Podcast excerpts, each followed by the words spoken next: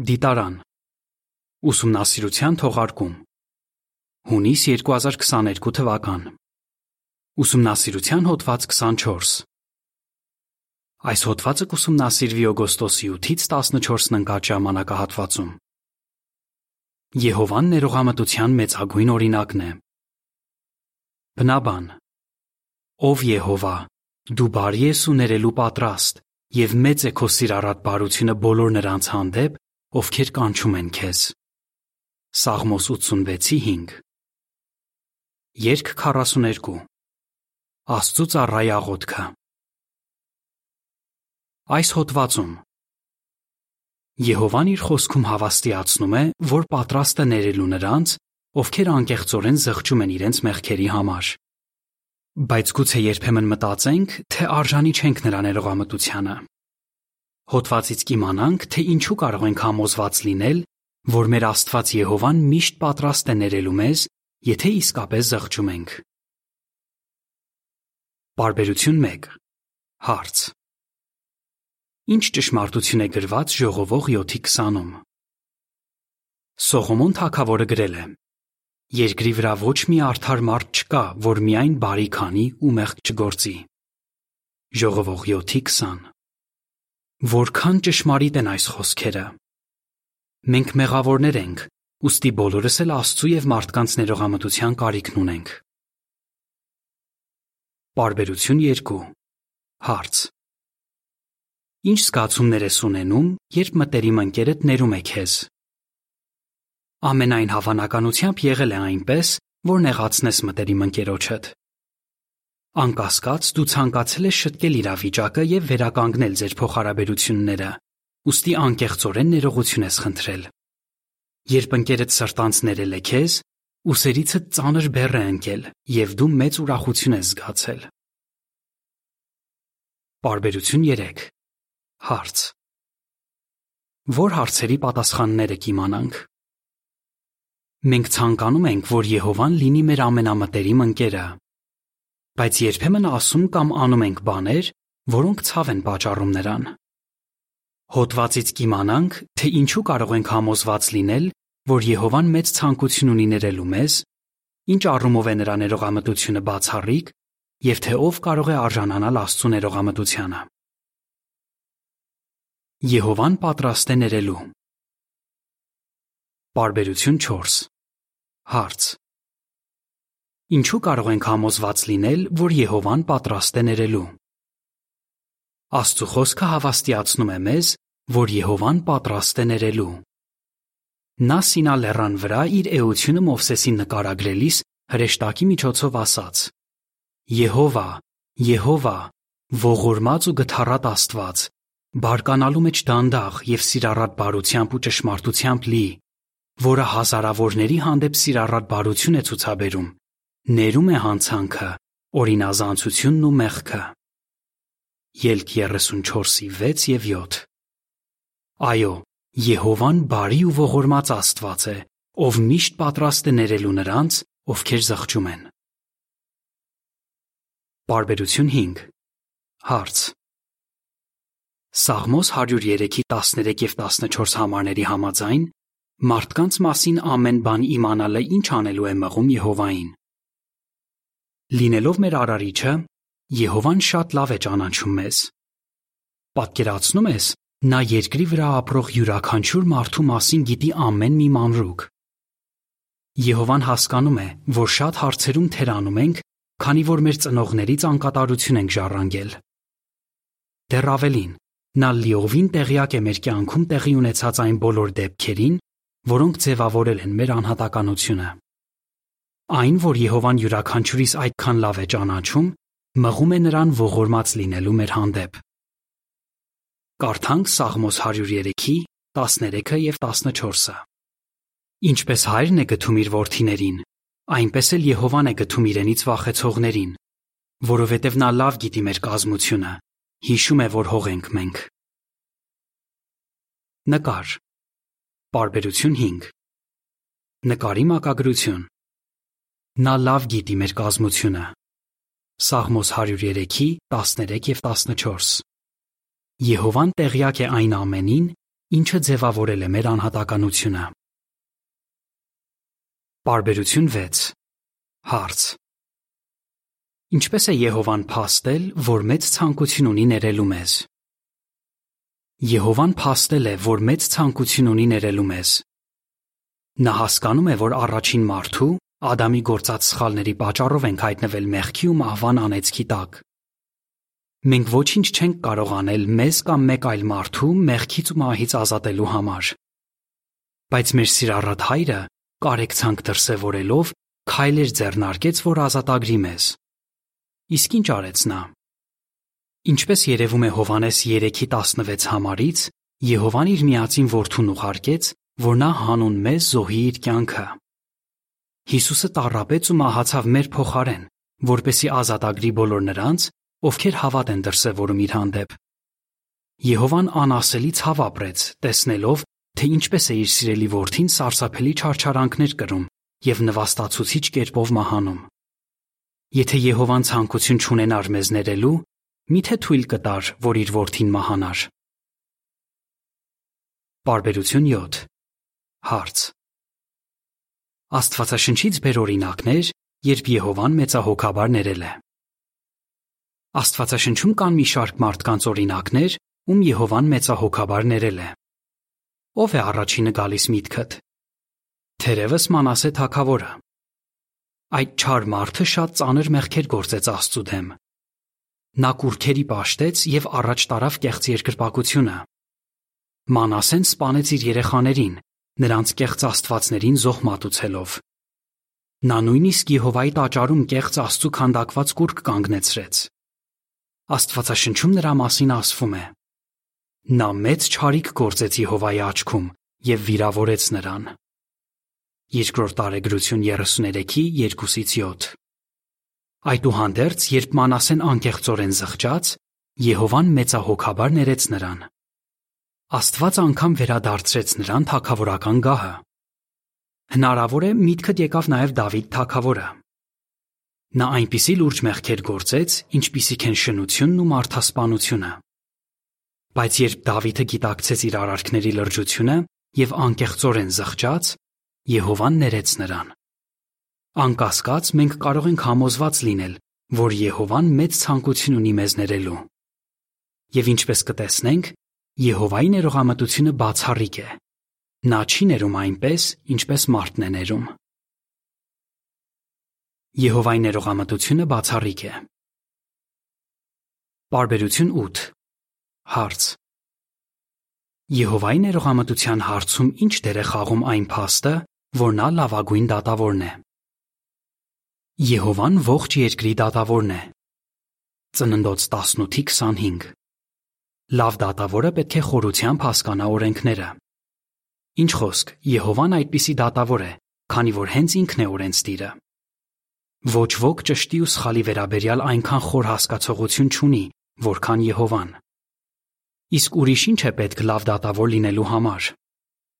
Լավ դատավորը նախքան վճիռ կայացնելը պետք է հաշվի առնի գործին առնչվող բոլոր փաստերը։ Այս հարցում ոչ ոք չի կարող համեմատվել Եհովայի հետ, քանի որ նա տեղյակ է ամեն ինչին։ Ոստի կարող ենք ասել, որ Եհովան լավագույն դատավորն է։ Բարբերություն 9 Հարց. Ինչ է հաշվի առնում Եհովան, երբ որոշում է ներել թե ոչ։ Ի տարբերություն մարդկային դատավորների, Եհովան ցանկացած գործի վերաբերյալ լիարժեք պատկերացում ունի եւ տիրապետում է բոլոր փաստերին։ Նա ավելին է տեսնում ու լսում, քան մարդը։ Նա լիովին հասկանում է, թե անհատի գործերի վրա ինչ ազդեցություն են ունեցել նրա գեները, դաստիարակությունը, միջավայրը, ինչպես նաև էմոցիոնալ եւ հոգեկան վիճակը։ Եհովան նաև տեսնում է, թե ինչ կա մարդու սրտում։ Նա գիտի յուրաքանչյուրի մղումները, նպատակները եւ ցանկությունները։ Նրանից ոչինչ հնարավոր չէ թաքցնել։ Ոստի Եհովան միշտ հաշվի է առնում իրավիճակի վերաբերյալ իր ունեցած լիարժեք տեղեկությունները, երբ որոշում է ներել անհատին թե ոչ։ Պարբերություն 10 Հարց. Ինչու կարող ենք ասել, որ Եհովայի դատավճիռները միշտ արդար են։ Երկրորդ օրենք 32-ի 4 Եհովայի դատավճիռները միշտ արդար են։ Նա բացարձակապես անկողմնակալ է։ Ներելիս նա չի հիմնվում մարդու արտաքինի, ունեցվածքի, դիրքի կամ ունակությունների վրա։ Ոչ ոք չի կարող ճնշում բանեցնել Եհովայի վրա կամ կաշառել նրան։ Նա երբեք չի կայացնում որոշում բարկությունից կամ խղճահարությունից դրդված։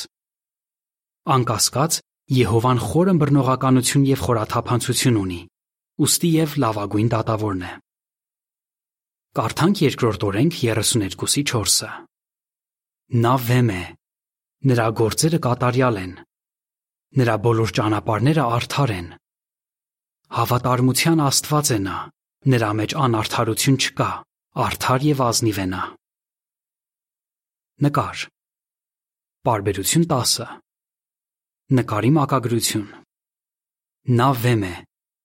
Նրա գործերը կատարյալ են։ Երկրորդ օրենք 32-ի 4։ Եհովան արդար է եւ անկողմնակալ։ Նրան հնարավոր չէ կաշառել։ Բարբերություն 11։ Հարց. Ինչով է Եհովայի ներողամտությունը բացառիկ։ Եբրայերեն գրությունները գրի առնողները հասկանում էին, որ Եհովայի ներողամտությունը բացառիկ է։ Որոշ դեպքերում նրանք օգտագործել են եբրայերեն մի բառ, որի վերաբերյալ մի աշխատության մեջ հետևյալն է ասվում։ Այդ բառը հատկապես օգտագործվում է այն դեպքերում, երբ Աստված է ներում շնորհում մեղավորին, եւ երբեք չի օգտագործվում նկարագրելու համար մարդու ցուցաբերած ներողամտությունը, որը թերի է ու սահմանափակ։ Միմիայն Եհովան իշխանություն ունի լիարժեքորեն ներելու նրանց, ովքեր զղջում են։ Իսկ ինչ լավ արդյունքներ են լինում, երբ Եհովան ներում է մեզ։ Բարբերություն 12-ից 13 Հարց Ա Ինչ լավ արդյունքներ են լինում, երբ անհատը ներում է ստանում Եհովայից։ Հարց Բ. Երբ Եհովան ներում է մեր մեղքը, երբևէ հիշեցնում է այդ մասին։ Երբ ընդունում ենք այն փաստը, որ Եհովան ներել է մեզ,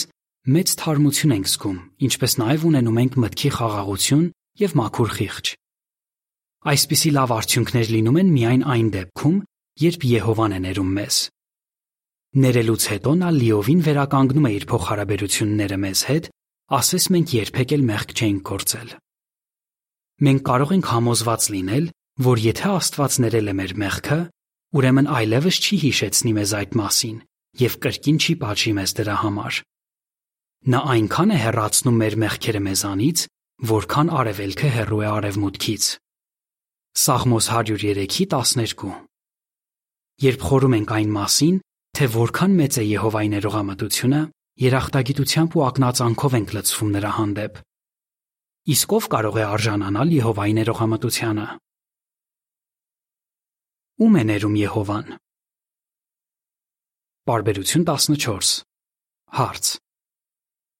Ինչ իմացանք այն մասին, թե Եհովան ինչպես է որոշում՝ ներել թե ոչ։ Ինչպես տեսանք, Եհովային ներելու կամ չներելու որոշումը կախված չէ մեղքի ծանրությունից։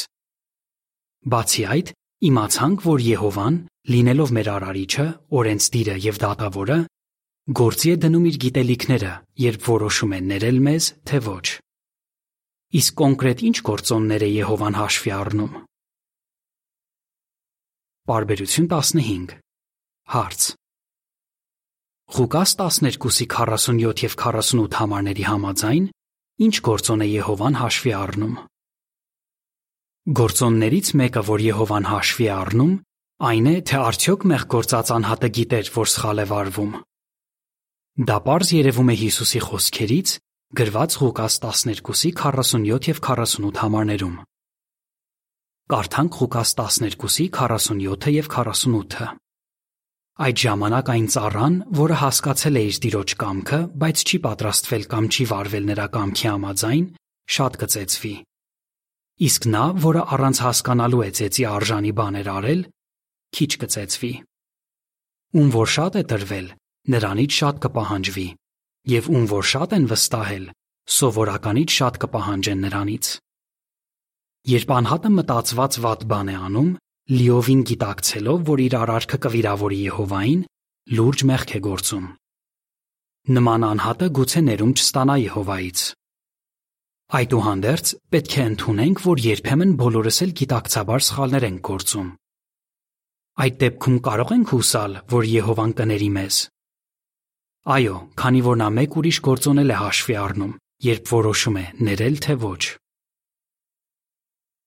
Բարբերություն 16 Հարց. Ինչ է զղջումը եւ ինչու է այն անչափ կարեւոր։ Մյուս գործոնը, որ Եհովան հաշվի է առնում, այն է, թե արդյոք մեղ գործած անհատը անկեղծորեն զղջում է իր արածի համար։ Իսկ ինչ է նշանակում զղջալ։ Զղջալ նշանակում է փոխել մտածելակերպը, տրամադրվածությունը կամ նպատակը։ Զղջացող անհատը ափսոսում եւ խորապես տրտմում է իր վատ արարքի կամ ճիշտը չանելու համար։ Նա ցավ է ապրում ոչ միայն այն պատճառով, որ վատ բան է արել, այլ նաև այն պատճառով, որ թույլ է տվել Եհովայի հետ ունեցած իր փոխհարաբերությունները այնքան վատանան, որ նա մեղք գործի։ Հիշենք, որ թե Մանասե, թե Դավիթ թագավորները լուրջ մեղքեր գործեցին, բայց Եհովան ներեց նրանց, քանի որ նրանք երկուսն էլ իսկապես զղջացել էին։ Տեսնում ենք, որ մեր զղջումը պետք է ակնհայտ լինի Եհովայի համար, որպեսի նա ների մեզ։ Սակայն գործած մեղքի համար ցավ զգալը դեռ բավական չէ։ Մենք պետք է պատրաստ լինենք որոշակի քայլեր ձեռնարկելու։ Իսկ դա հաջորդ գործոնն է, որ Եհովան հաշվի է առնում։ Ծանոթագրություն Բառամեկնություն Զղջումը մտածելակերպի փոփոխությունն է եւ խորը ափսոսանքը նախկին ապրելակերպի, սխալ արարքների կամ չարած բաների համար։ Անկեղծ զղջման արդյունքում անհատը փոխում է իր սխալ ընթացքը։ Ծանոթագրության ավարտ Բարբերություն 17 Հարց. Ինչ է դարձի գալը եւ ինչու է այն կարեւոր։ Եսայա 55:7 Մյուս գործոնը, որ Եհովան հաշվի առնում, դարձի գալն է։ Դարձի գալ նշանակում է հետ դառնալ։ Այլ կերպ ասած, անհատը փոխում է իր ընթացքը, թողնելով վատ գործերը եւ ապրելով Եհովային հաճելի կյանքով։ Կարդանք Եսայա 55:7-ը։ Թող ամբարիշտը թողնի իր ճանապարհը եւ վնասարար մարդը իր մտքերը Թող նա վերադառնա դեպի Եհովան, որը կողորմի նրան, ու դեպի մեր Աստվածը, որովհետև նա մեծահոգաբար կների։ Անհատը պետք է փոխի իր մտածելակերպը եւ սկսի առաջնորդվել Եհովայի մտածելակերպով։ Նա պետք է վճռական լինի հրաժարվելու իր նախքին մտածելակերպից եւ գործերից։ Ինչ խոսք, Քրիստոսի զոհաբերության հանդեպ մեր հավատն է հիմք տալիս Եհովային ներելու եւ մաքրելու մեզ մեղքերից։ Եհովան փրկագնի հիման վրա կների մեզ, երբ տեսնի, որ անկեղծ ջանքեր ենք թափում, որպեսի փոխենք մեր վարքը։ Նկար։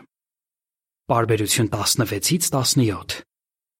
Նկարի մակագրություն։ Նա մեծահոգաբար կների։ Եսայա 55:7։ Մենք կարող ենք համոզված լինել, որ եթե անկեղծորեն զղջանք, Եհովան կների մեզ։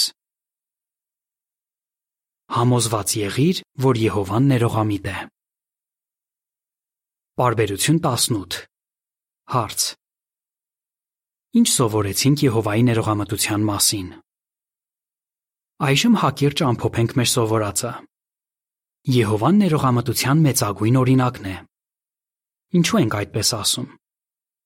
Նախ այն պատճառով, որ նա միշտ պատրաստ է ներելու։